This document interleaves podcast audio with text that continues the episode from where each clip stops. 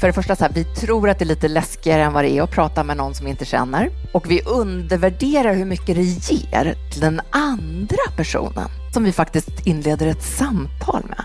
Det är någonting med den här upplevelsen av att möta och hitta det gemensamma, föra en dialog, inte debatt, inte förändra någon, inte nödvändigtvis förändra sig själv, bara förståelse.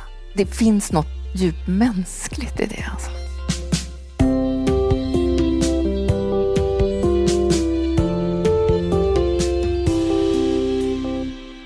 All I can do is be me, whoever that is. Så sa Bob Dylan i en intervju 1965 när han försökte förklara att han inte ville bli placerad i ett fack som protestsångare. Sånt tyckte han handlade om reklam, om att bli en produkt som skivbolaget kunde sälja. De flesta av oss kan nog hålla med om det. Vi vet ju att vi är mångsidiga personer som är mycket mer än de olika roller som vi har i livet. Samtidigt formas våra liv väldigt mycket av de här rollerna. Och även om Dylan helst ville vara sig själv så hade han ju faktiskt bytt namn. Istället för Zimmerman så kallar han sig för Dylan, efter poeten Dylan Thomas. Vilka andra tror att vi är spelar ändå stor roll för vilka vi är. Du lyssnar på Idéer som förändrar världen, en podd från Nobelprismuseet. Jag heter Gustav Källstrand. Och idag träffar vi Emma Stenström i ett samtal om social identitet och om att utforska våra egna och andras roller som spelades in inför publik på Nobelprismuseet. Men mysigt att vara här tycker jag. Ja, visst gör det. Får vi se om vi lyckas hålla i det. Men, ja. Och idag ska det handla om vilka vi tror att vi är och vilka andra tror att vi är och vilka vi tror att andra är kanske också. Utifrån din bok Emma, Bubbelhoppa. Ja. Vad är en bubbla?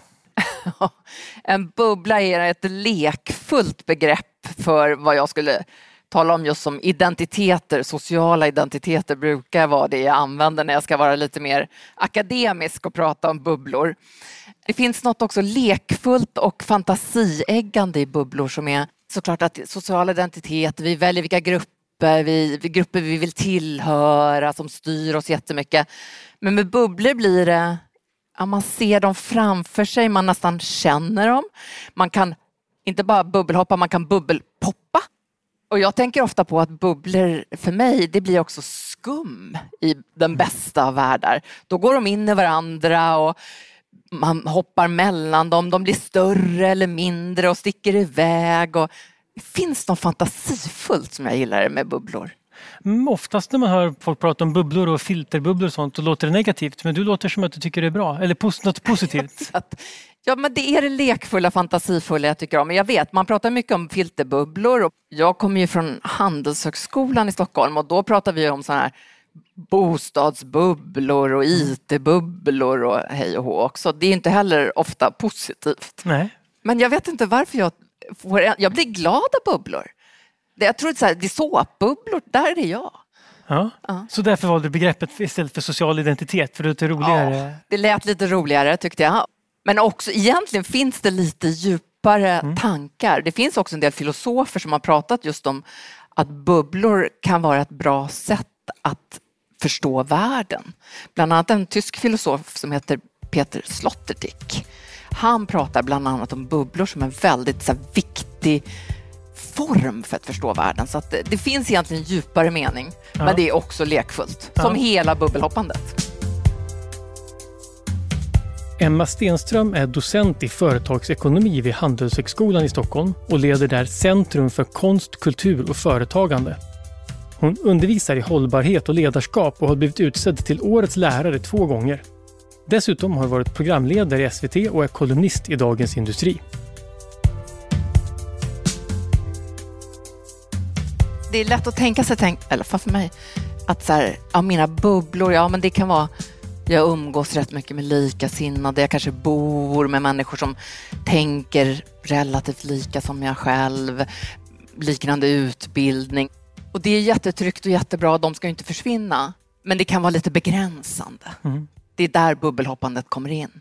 Så du, är, du, har, du har inte bara en bubbla, eller vi har inte bara en Nej. bubbla varit, utan man, har, man är med, med i, i, flera. Är det det som är skummet? Ja, fast det, nej, skummet kan också vara när de flyttar sig okay. i min lilla värld. Men, eh, jag tänker också, men det är väldigt viktig poäng du gör där, därför att nej, vi tillhör inte enbart en bubbla och ibland när vi tänker på andra så kanske vi puttar in dem i en bubbla lite grann som Bob Dylan sa där, ditt inledande citat, att han inte vill bli inputtad i en bubbla så här, eller kategori. Mm. Då är det viktigt tycker jag också att vara medveten om att vi alla tillhör många bubblor. Mm. Det innebär att vi inte heller är ensamma i bubblorna. Nej. Det är som en social identitet. Vad betyder det, det sociala i social identitet? Det, det här blir ju också lite filosofisk fråga. För mig är ju det sociala helt grundläggande i, i livet. Alltså jag, jag har ett synsätt tror jag, på människan som väldigt relationell. Mm. Att vi söker oss till varandra, vi söker tillhörighet är en väldigt grundläggande behov som vi har. Och vi blir inte utan varandra. Vi speglar oss i varandra, vi ser varandra, vi dras till varandra. Det sociala är grundläggande. Och apropå filosofer och nobelpristagare, så Sartre sa ju att eh, helvetet är andra människor. För han menar väl, som jag förstår saken Mm. rätt, och apropå identitet så pratade vi lite om det innan. Vad, vad säger det om mig nu att jag bara namedroppar Sartre sådär lite snyggt? Jag vet inte särskilt mycket mer om Sartre förutom just att jag kan det citatet. Men jag vet att det citatet tror jag att det handlar om att vad han menar inte att andra människor är otrevliga utan det handlar om att bli dömd av andra människor. Ja. Du vet, vi ska inte göra någon psykoanalys här, men du vet att min pappa är Sartre-expert. Ser jag fel person att... Så jag kanske också, man vill ju alltid revoltera lite. Först genom att gå på Handelshögskolan och sen så genom att betona det sociala. Hans doktorsavhandling hette Den ensamma. Mm. det, blir, det här skulle ju kunna bli en lång psykoanalys, men det ska vi inte hålla på med. Nej, det, det är upp till dig. För det är Tack, väl helst hur inte. vi använder den här timmen. Nej, men jag gör det ju lite enkelt för mig. Det här är ju en populärvetenskaplig bok. Jag tar till exempel sådana saker som att jag kan titta på mig själv eller jag kan titta på mina studenter eller jag kan jobba i en organisation. Jag jobbar på en avdelning. Alla här på den här avdelningen tänker rätt lika. Mm. Jag jobbar på produktionsavdelningen, vi tänker så här. Och sen är de där jättekonstiga typerna där borta som jobbar med sälj. Då kan ju det vara två bubblor som man kan tjäna på att träffas, mötas, förstå varandras perspektiv. Universitetsvärlden kan vi ha till exempel, eh, tycker jag, stort utbyte av att förstå mer av ett studentperspektiv som lärare och tvärtom. Och en administration och en fakultet som också kan tjäna på att förstå mer av varandra. Så där kan ju bubblorna vara på det planet. Så det varierar lite beroende på vad passar det med bubblor. Och då antar jag också att anledningar till varför man bör lämna sin bubbla också varierar förstås. Ja. Men varför ska man lämna sin bubbla? Ja, men jag tror inte man gör det alltid naturligt av sig själv. Nej. Så att man kan behöva pushas lite grann och pusha sig själv. För att bredda perspektiv, för att förstå. eh, För att på ett samhälleligt plan så kan vi prata om att vi försöker bygga bryggor och brygga mellan grupper i samhället till exempel. I en organisation så kan man ju prata kanske mer om hur olika delar kan behöva förstå varandra för att vi ska fungera bättre. I samhället så är det ju också för att fungera bättre. Olika grupper förstår varandras perspektiv, verklighet mer. Men framför allt för att inte stänga ute och för att bara vara arga på de andra idioterna liksom, så är det här en egentligen grund och botten ett humanistiskt projekt. Mm. Istället för att ilska, försöka väcka nyfikenhet, tänk, kan man lära av varandra och där. Mm. Bubbelhopp, är det att lämna sin bubbla eller att besöka andra i deras? Det kan man inte veta i förväg Nej. säger jag. Då använder jag Hartmut Rosa som är lite så här poppis eh, sociolog just nu från Tyskland. Han som skriver mycket om resonans bland annat och det som uppstår mellan oss, mellan människor eller mellan människor och natur och människor och konst. Det kan uppstå när man känner den här kopplingen. Den uppstår ju inte alltid. Så att man vet ju, ibland så kanske man hoppar tillfälligt och förstår, ibland går det faktiskt åt skogen. Eh, man kan inte alltid planera. Och andra gånger så kanske man faktiskt upptäcker också att man har mer gemensamt och man kanske ingår. Det är då det blir skum. Bubblorna ändras. Men det varierar lite. Och just som vi är inne på att man kanske har olika avdelningar på jobbet eller olika ja, sociala sammanhang. Du beskriver ju inte bara att man liksom då ska tänka att man borde gå och prata med de andra eller, eller inte ens bara liksom sätta sig kanske hos de andra och säga hej utan det är en ganska systematisk metod, bubbelhoppandet. Ja, nej, men om jag har till exempel studenter, om jag får använda det, då börjar vi ofta med att försöka titta på vad betyder det där med bubblor och vad har vi för vi kan prata om sånt som polarisering, affektiv polarisering. Eh, vi kan prata om sånt som var, varför är det viktigt att brygga över. Vi börjar rätt teoretiskt ofta, speciellt då om vi är på universitetet. Då kan vi gå rätt djupt. Är vi på en masterkurs kan vi gå rätt djupt i det teoretiska. Men vi tittar också på våra egna bubblor och vilka vi är nyfikna på. Sen så börjar vi träna massa olika förmågor som eventuellt och förhoppningsvis kan underlätta de här mötena när vi går till den andra avdelningen eller när vi åker till en plats vi inte bor på eller vi träffar någon som har en politisk åsikt som vi inte håller med om eller vad det än månde vara. Då har vi, tränar vi förmågor innan. Samtal, intellektuell ödmjukhet, lugn, närvaro. Eh, den typen av förmågor tränar vi liksom innan vi gör hoppen. Hur tränar man på intellektuell ödmjukhet? man tränar på att föreställa sig att man har fel. Mm. Det är väldigt förenklat. Mm. Så det är inom ramen för social hållbarhet som okay. vi gör den här lite lekfulla metoden som ändå har ett allvar i botten mm. men som ändå blir lite lekfull. Och så blir det som, jag har ju tränat mina studenter hela dagen idag. Mm. Eh, så jag är lite inne på det också. Då är, tänker jag också här, de här förmågorna, är ju bra att ha hemma och på jobbet generellt eller med kompisarna. Så att skada inte att träna på den här typen av förmågor, även när man inte bubbelhoppar. Som intellektuell ödmjukhet? Och Som att... intellektuell ödmjukhet. Inte och... så lätt. Nej, det beror på hur man, jag antar, hur man är från början. Eller mycket, ja, eller? Jag tänker att jag kan, jag har fel. Det här med bubbelhoppan kanske inte, det är kanske inte alls bra. Mm, hur mycket tänker du eh, på det när du sitter framför dem? Någon måste ju förr eller senare fråga dig det. Om, hur vet du att du har rätt? Då? Ja, absolut. Nej, men jag tänker nog ofta på att jag kan ha fel. Mm. Absolut. Och också att jag försöker också söka, det handlar ju också om vad söker man upp för information. Men söker man upp information, söker man upp forskning som pekar på att det här kanske inte är så bra i alla lägen, då, är, då får man ju, måste man ju läsa den. Där har vi en nobelpristagare direkt som vi pratar om här. Nu är vi lite inne på Kahneman, Daniel mm. Kahnemans mm. tankar om hur vi fastnar i tankefällor till exempel. Hur vi gärna tar till oss information som passar det vi vill ha. Det är ju inte intellektuell ödmjukhet, men det är inte så lätt att komma ur de där tankefällorna. Den ekonomiska vetenskapen tog fart i början på 1900-talet när man började kunna beskriva olika samband i samhället matematiskt. Det här ledde till mycket ny kunskap, men det gjorde det också lite mindre tydligt att ekonomi faktiskt handlar om människor och deras beslut. Att priser påverkas av saker som utbud och efterfrågan beror inte bara på att människor inte kan köpa dyrare varor, utan också på att de inte vill det. Frågan är nämligen varför människor inte vill det. En förklaring är att människor gör en rationell bedömning av situationen. Vi väger vårt behov av varan mot vårt behov av andra varor. Om skor av ett visst märke blir så dyra att vi inte kan köpa både dem och en ny jacka så väljer vi helt enkelt att köpa billigare skor. Men ekonomer bör också inse att människor inte bara är rationella.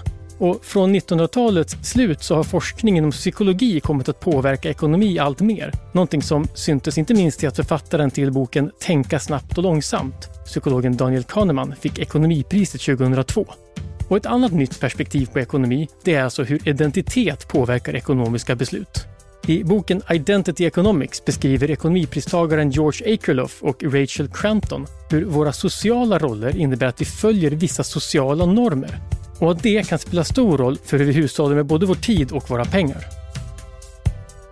Vi kanske ska ta hela processen för annars blir det mm. vi bara hugger halvvägs. Men när vi har liksom tränat på de här förmågorna med varandra, det är lite beroende på kurs och så här, men om det är kandidatstudenterna alla ska igenom, då har vi sagt, under flera år har vi sagt så här, okej, men nu får du välja någon att hoppa till mm. och möta någon som är oliktänkande, oliklevande, oliktyckande, vad det än månde vara.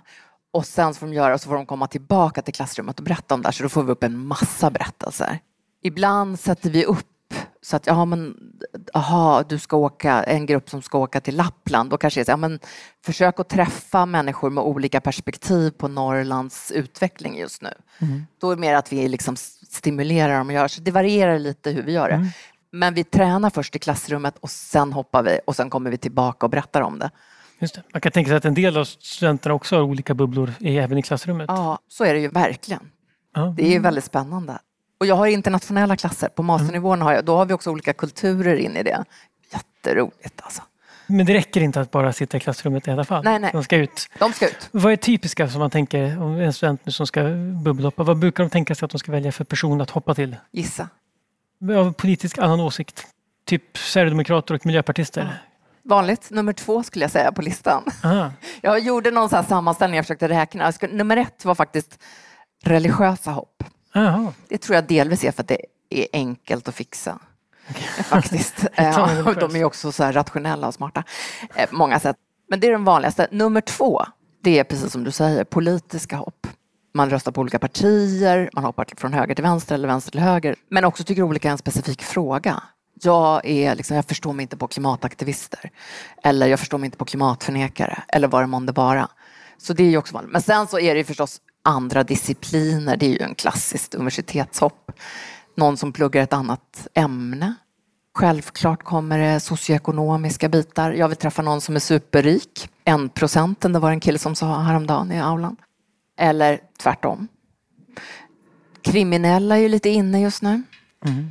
Alla Så möjliga, alltså vi ser ju alla, har ju sett alla möjliga varianter. Mm, och hur hittar man en, det är svårt att annonsera efter en kriminell. Alltså, men, men, men hur hittar de? Jag tänker också att det finns, och det är inte bara det är kul, men, men det är inte bara kul, för jag tänker också att i, i valet av vem man hoppar till så avslöjar man en del av sina egna fördomar också. Mm, verkligen.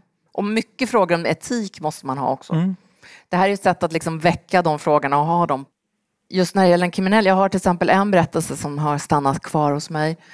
Då är det en student från en förort i nordvästra Stockholm, i Järva, som bestämmer sig för träffa, han har varit bästa vän och familjen har vuxit upp och de föräldrarna känner varandra med en kille som sen har blivit kriminell.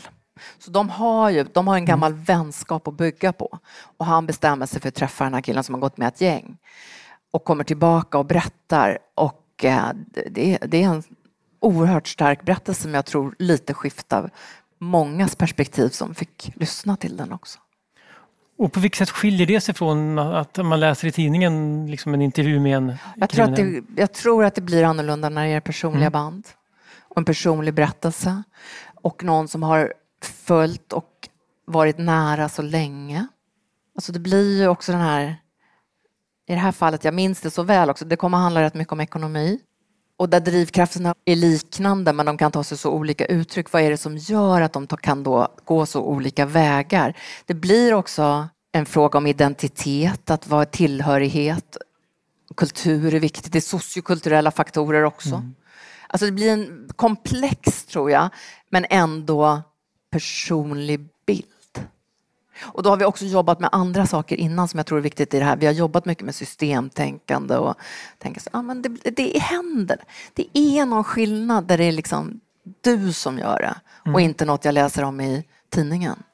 Och det är klart att det finns ju problematik här, det, det är ju uppenbart. Det är, ibland tänker jag så här, det är ju mycket lättare om jag jobbar med två grupper. Till exempel så jobbade jag med ett stort företag eh, och där var det höga chefer och de träffade lokala föreningsledare också i Järva i samband med Järvaveckan. Och då var båda grupperna de, båda grupperna hade gått igenom samma träning och båda var nyfikna på varandra. Och man hade väldigt specifikt fokus. Nu ska vi tänka på hur kan vi gemensamt jobba för att få mindre segregation i samhället, näringsliv och civilsamhälle. Och det är specifikt fokus. Det är ju lättare på sätt och vis att jobba med två grupper som båda har förberetts och ibland med studenterna. Men jag, jag, jag har ju också gjort, jag har gjort en miljard olika så experiment i, under många år kring det här. Också lättare att jobba, det är, ju, det är ju tacksamt att jobba med två olika studentgrupper. Jag har jobbat till exempel med cirkusartister tillsammans med Stockholms konstnärliga högskola. Cirkusartister och ekonomstudenter. När de möter varandra, samma sak där. Det är också lättare än egentligen att skicka ut där det kan bli väldigt ojämna dialoger. Och med lättare menar du att de relation, den relationen Ja, blir den lättare? relationen blir mer jämlik. Och båda är förberedda på samma sätt. För det finns såklart en problematik. Och samtidigt så tänker jag, jag kan inte släppa. Det är ju typ par tusen berättelser som jag har fått höra och läsa och som andra har fått höra och läsa och se. Och det är någonting med den här upplevelsen av att möta och hitta det gemensamma, föra en dialog, inte debatt. inte förändra någon, inte nödvändigtvis förändra sig själv, bara förståelse. Det finns något djupt mänskligt i det. Alltså. När George Akerlof fick ekonomipriset 2001 så var det inte för identitetsekonomi utan för forskning om information. Han fick priset för sin forskning om hur marknader kollapsar när köpare och säljare inte vet lika mycket om kvaliteten på varan de handlar med. Till exempel så tror köpare av begagnade bilar ofta att bilarna är sämre än de egentligen är. Det gör att de är beredda att betala lägre priser för dem än vad de egentligen är värda. Det gör i sin tur att säljarna inte vill sälja de bästa bilarna eftersom de inte kan få ett bra pris för dem. Och det leder till en situation där det finns en massa bra begagnade bilar som inte går att sälja. Akerlöf uttrycker det här som att köparna antar att säljarna är skojare och de försöker därför genomskåda skojarnas knep. Med följden att de som inte är skojare inte får betalt för sina bra bilar och marknaden kollapsar. Och även om den här forskningen ligger en bit bort från identitetsekonomin så visar den ändå på hur ekonomer tar in aspekter från fler och fler områden i den ekonomiska vetenskapen och på så sätt ger en allt mer komplex bild av hur marknader fungerar eller inte fungerar. Det kan ju ibland vara så enkla möten som att du sitter på en tunnelbana. Börjar prata med någon som sitter mitt emot och så får jag höra en berättelse om hur det är och hur den personen lever och jag delar med mig lite hur jag lever. Det kan ju i sig vara omtumlande. Är du en person som då, eller behöver man vara det, en person som naturligt pratar med folk på tunnelbanan? Jag är ju inte det, för då skulle jag inte hålla på med sånt där. Precis, för man måste ha en metod för att våga göra det. Jag kan känna att jag tycker själv att jag är rätt bra när det är professionellt. Mm. Alltså jobba interdisciplinärt. Jag har haft fördelen att jobba mycket med Karolinska institutet och jag har varit gästprofessor på Konstfack och på Handels. Alltså, funkar jättebra. På med den professionella identiteten funkar jättebra. Ensam, privat och inte gömma mig bakom, liksom, då blir jag lite blygare. Det är inte så lätt alltid, men jag försöker. En sak som jag har gjort de senaste åren det är också att jag har, det är mycket min sambo, men tillsammans och vi har bott i Stockholms innerstad. Privilegierade på alla sätt och vis. Och för tre år sedan bestämde vi oss för att, mest han, att vi läser om de här utsatta områdena hela tiden och han håller på med sånt. Låt oss bo där. Så då flyttar vi. Ni, det, är, det är ett rejält Det är ett rejält bubbelhopp. Och verkligen inte bara enkelt, mm. men vänder också väldigt mycket upp och ner på mina, den bilden man får av medierna till exempel. Men där såklart, där har jag samlat många möten. Det kan vara en eritreansk kvinna i omklädningsrummet på gymmet som bara berättar hur det är att vara mamma där. Det är klart, det kan man läsa om i tidningen igen. Det är en skillnad när det är en människa av kött och blod. Om man står där nakna mm. i omklädningsrummet på gymmet. Det händer någonting annat. Jag har ju också havererat, bland annat i mina politiska hopp har jag havererat. När jag bestämde mig för att nu ska jag försöka träffa människor från parti jag skulle kunna tänka mig rösta på och ändå hålla med ett öppet sinne och nyfikenhet. Det har ju inte alltid fungerat. Hur, hittar, hur får personer att för då är det mer formellt, då är det inte bara att hoppa, hoppa på men då är det inte bara att ta någon på tunnelbanan. För då måste du ändå hitta en person som då ställer upp på det mötet. Hur gör du då? Men jag vet inte, jag, jag, kanske, men jag fick höra det idag av någon student att jag är så en otroligt naiv idealist och det ligger ju mycket i det. Jag tänker så jag läser forskning, det brukar jag också göra. Då ser jag så här, det finns ju jättemånga studier som pekar på att vi, för det första så här, vi tror att det är lite läskigare än vad det är att prata med någon som vi inte känner. Vi tror att det är lite läskigare än vad det är. Och vi undervärderar hur mycket det ger. Det pekar ju verkligen forskning på här alltså. Eh, och framförallt undervärderar vi hur mycket det ger till den andra personen. Mm. Vi tror att det ska ge något till oss, men vi undervärderar hur mycket det ger till den andra som vi faktiskt inleder ett samtal med. Och där har man gjort massa experiment och studier och låtit studenter prata och inte prata och mätt vad både de och deras medpratare. Och speciellt om man vågar släppa staketsnacket och gå in lite, nu kommer Sartre tillbaka här, men mm. lite mer existentiella frågor. Men att bli sedd och hörd, jag tycker det, det är en lyx någonstans. Du sitter här och frågar mig. Mm. Det är ju en ynnest. Jag tycker att, att det, är väldigt, det, det, är, det är en speciellt sätt att samtala på. En speciell social situation att jag sitter och frågar dig. Jag styr liksom samtalet. Du pratar om det jag ber dig att prata om. Det är ja. rätt ovanligt. Ja. Och det är både behagligt och obehagligt. Uh-huh. Jag får ett ansvar att jag måste säga, ställa rätt frågor. Men jag har ju inget ansvar att jag måste vara intressant och säga något intressant, för det är ju ditt jobb. De där rollerna som man tar på sig, att jag antar att i ett bubbelhoppssamtal så måste man hitta en mer jämlik fördelning. Försöka i alla fall. Ja. Eh, Men frågorna är, är väl ändå ungefär liknande, att man hittar frågor. Ja, frågor. Jag pratar ju alltid om den här lilla samtalstriangeln. Att det är bra att balansera mellan att ställa frågor, lyssna förstås, följa flödet, men också att dela med sig av personliga berättelser. Det är lite skillnad för dig nu när du sitter här och leder det här samtalet, men i ett samtal du och jag då vet jag, för vi pratade lite innan, då delar ju du med dig av personliga berättelser också lite och du ställer frågor och du lyssnar. Och balansera mellan dem, det är väl en bra grej att försöka göra. Man får passa på innan. Och du får gärna, du får gärna, om du vill berätta någonting så får du gärna göra det också. Mm, nej, vi får se om, om något dyker upp. Jag har också hört det här med att träffa personer som man skulle vilja prata med. Vi, vi, på, vi är på Nobelmuseet nu. Här, det dyker upp ibland Nobelpristagare och liknande människor här. Jag träffade en, en eh, eh, fysiker som berättade att när han träffar människor så han kan ju ganska mycket om fysik. Och då eh, vill folk berätta för honom om fysik. För de vill visa hur mycket de kan. Eh, och jag tror att du skriver om det i din- bok också, det här med att, att och jag känner igen det där att, att eh, när vi ses så känner jag spontant att jag vill berätta för dig lite om bubbelhoppande.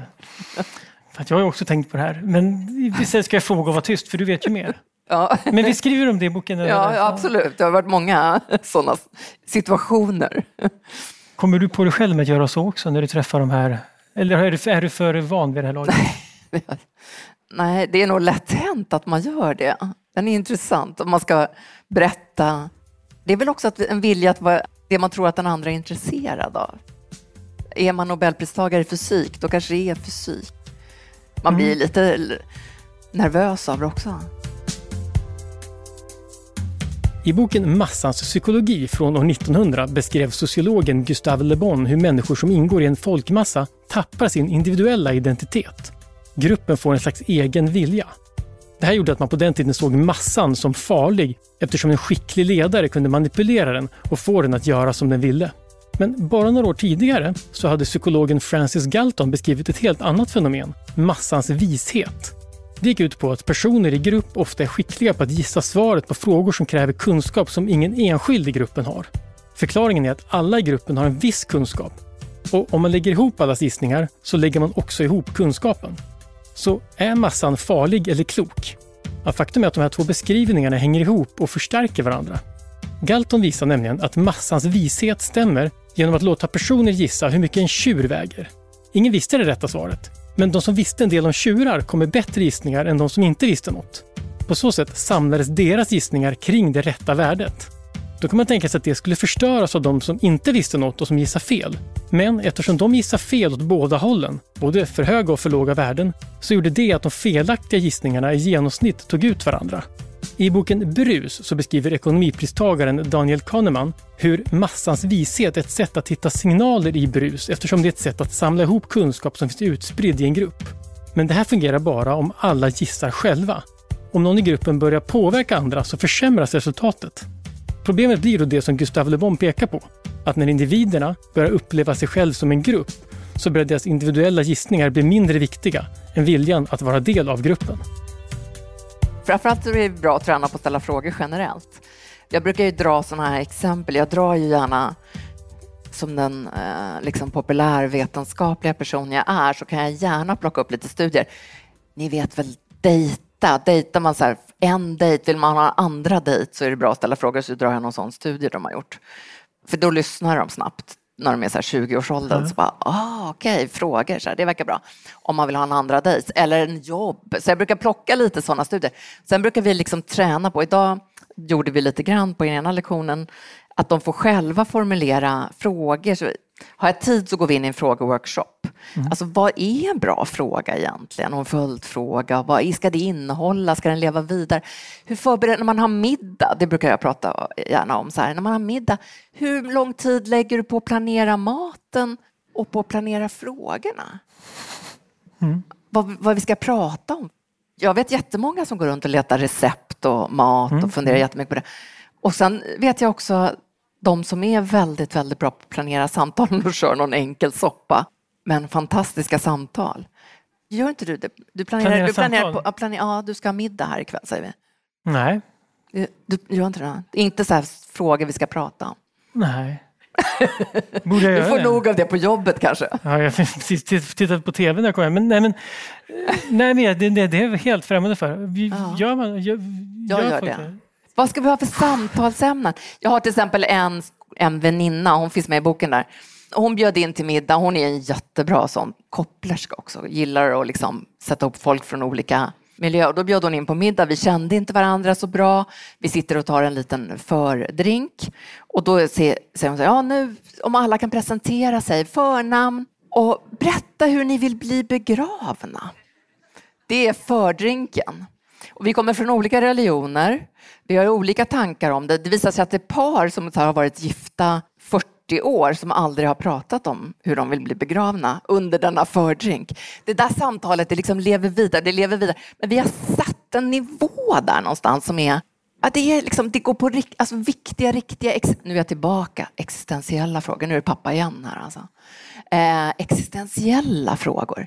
Jag vet inte. Jag tror ju jättemycket. Jag är jätteförtjust i en och annan person som inte har fått Nobelpris än.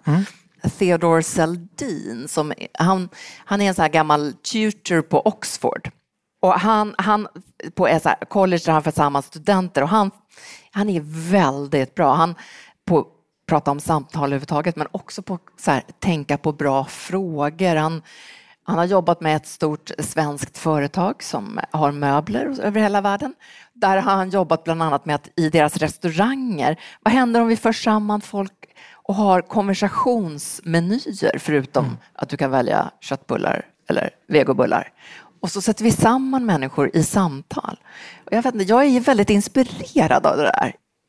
Alltså, och speciellt, nu går jag igång, nu ska, här är inte förberett, men då, jag hade förmånen att undervisa också på Grythyttan i höstas med kockar och sommelier.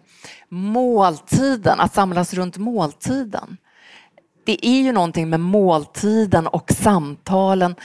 Men det skadar ju inte att fundera både på vilka vi bjuder. Jag tycker till exempel att det är väldigt roligt att försöka bjuda folk som röstar på olika partier, men inte prata politik. Just det.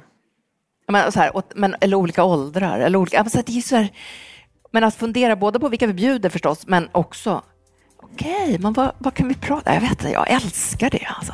Samtalsämnen. När vi pratar om bubblor på ett negativt sätt, som i filterbubblor, så beror det ofta på ett fenomen som kallas grupppolarisering. Ju mer medlemmar i en grupp talar om något, desto mer överens blir de. Och ju mer överens de är, desto mer övertygade blir de om att de har rätt. Men det kan också bero på att det i en grupp blir viktigare att vara överens än att ha rätt. Gruppens identitet blir viktigare än uppgiften och det brukar kallas för grupptänkande.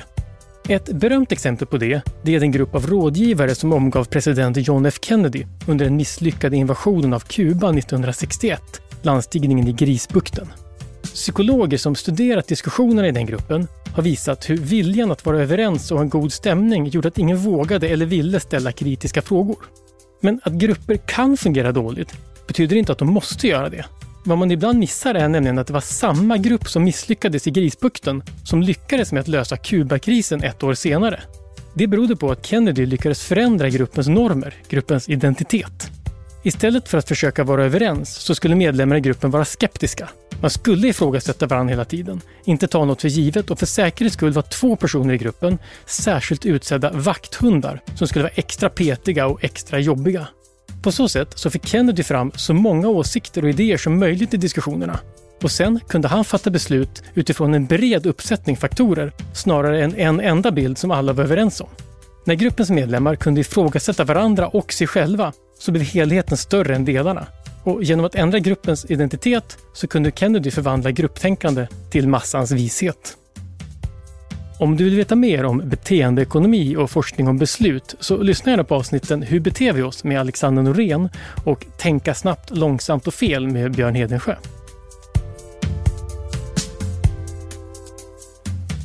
Jag tänker att det här, för det första är det en samhällsfråga. Och även om du ska tänka på pengar så behöver du ett samhälle som har hög tillit, som håller ihop.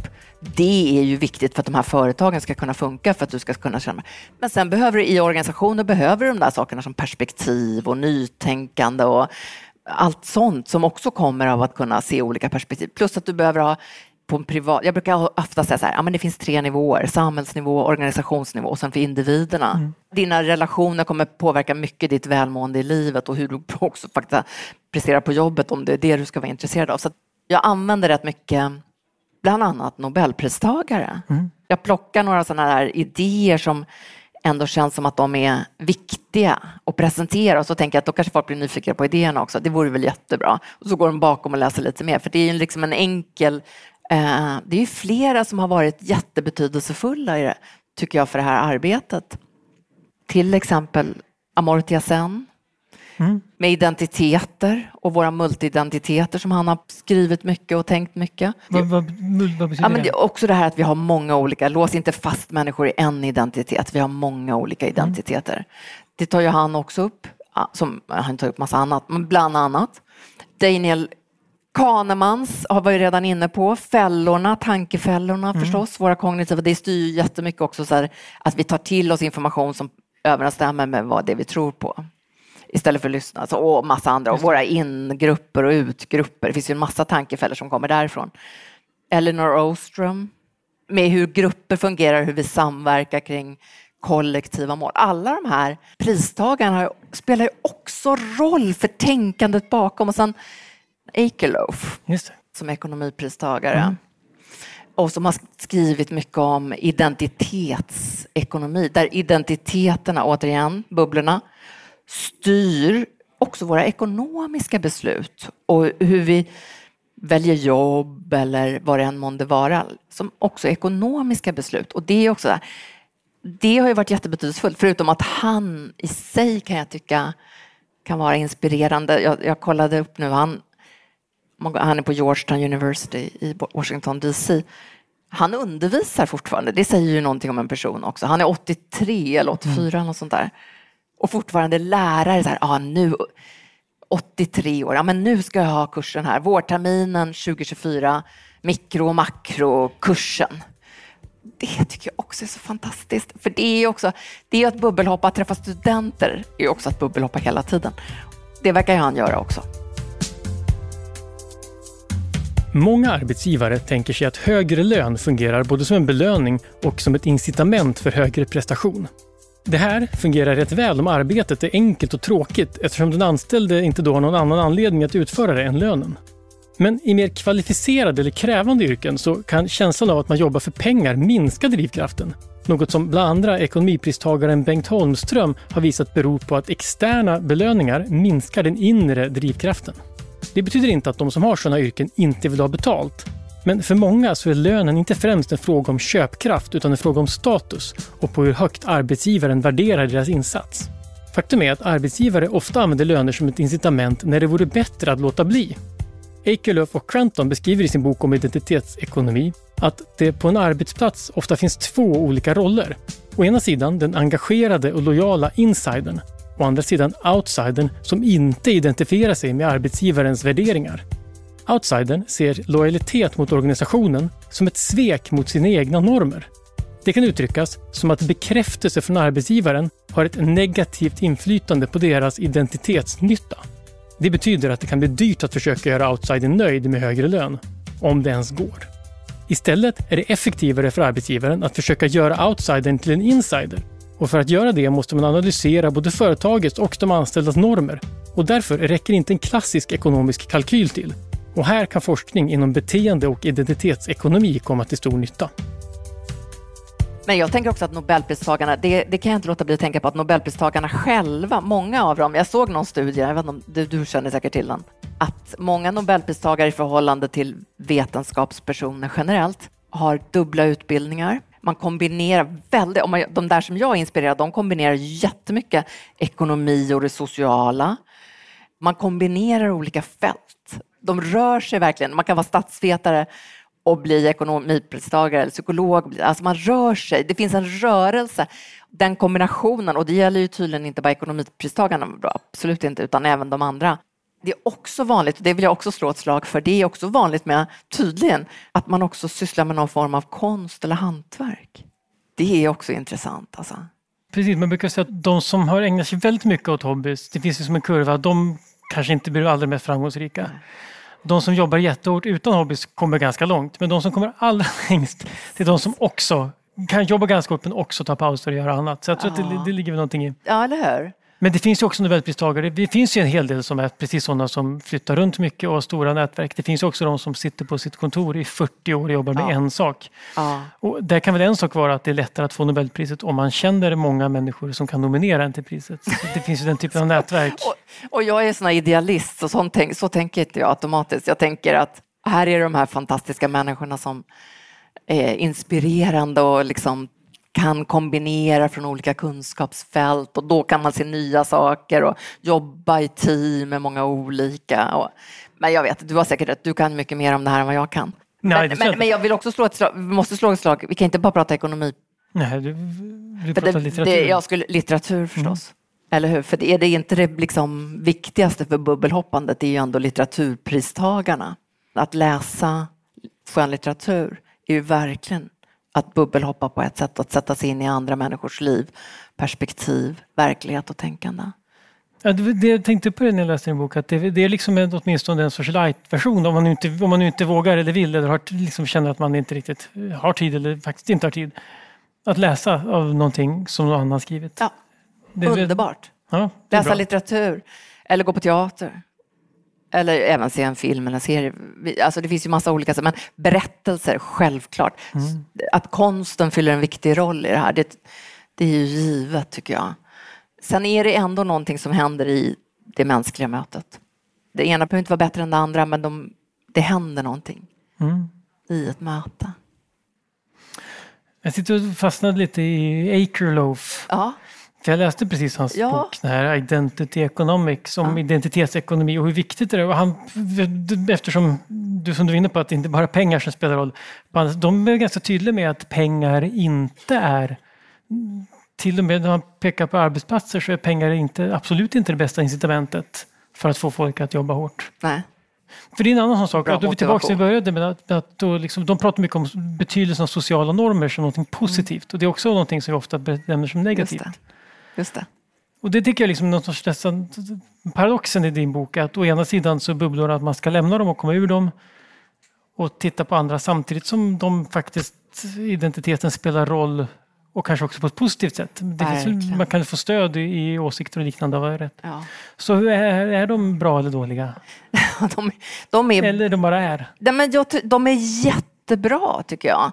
Jag tycker att det, det är det, och jag tror egentligen inte att jag någonsin sagt att de är dåliga. Och på, utan tvärtom, vi har jättebehov av tillhörighet. Jag tror att det är vårt mest grundläggande behov. Vårt behov av tillhörighet, vårt behov av att känna oss trygga, vårt behov av de starka banden, vårt behov av att lita på varandra. Det är ju inte bubbelpoppande så tillvida. Mm. Men ska vi bygga motståndskraftiga samhällen och organisationer och också få egna och nya perspektiv, då behöver vi också brygga över. Det är inte antingen eller, tycker jag. Mm. Det är nog min hållning just nu. Men jag kan ha fel. Mm. Nu är klockan ja, nästan sju så att vi måste äh, släppa hem er. Ni får gärna stanna kvar, men vi måste släppa hem Emma. Äh, det var äh, Jag får inte stanna kvar eller? Ja, du, ja, men du måste inte stanna kvar. okay. Jo, du kan få bubbelhoppa. Det är väl 50-60 personer här som du kan, som du kan utbyta erfarenheter med. Men, men det, jag bara vill sluta med att säga, jag tyckte det var så intressant, du sa att du kände dig naiv. Jag tycker att precis det du sa om att de här bubblorna, jag tycker det är ganska pragmatiskt att säga att de, det idealistiska är att de kan överbryggas men samtidigt pragmatiska är att de finns. Det hade varit idealistiskt att säga att man tror att vi ska sudda ut dem. Ja, men så länge okay. man vet att de finns. Tycker jag. Tack! Du ändrade min identitet lite här. Ja, jag vet inte om det är bra eller dåligt. Men eh, tack så hemskt mycket för att du kom och tack så mycket för att ni kom. Men en varm applåd framförallt till Emma. tack. Idéer som förändrar världen är slut för den här gången. Den här podden görs av Nobelprismuseet. Vi finns på Stortorget i Gamla stan. Information om museets utställningar och öppettider finns på museets hemsida nobelprismuseum.se. Du kan förstås också följa oss på Facebook och Instagram. Och vill du veta mer om Nobelpristagarna och deras arbete så gå gärna till Nobelprisets hemsida nobelprice.org. Och ett stort tack till Nibe Group, EF Education First, Knut och Alice Wallenbergs stiftelse och familjen Erling Perssons stiftelse som möjliggör Nobelprismuseets verksamhet. Idéer som förändrar världen görs i samarbete med produktionsbolaget Filt, producent är Andreas Wiklund och jag heter Gustav Källstrand. Vi är snart tillbaka med nya intressanta samtal.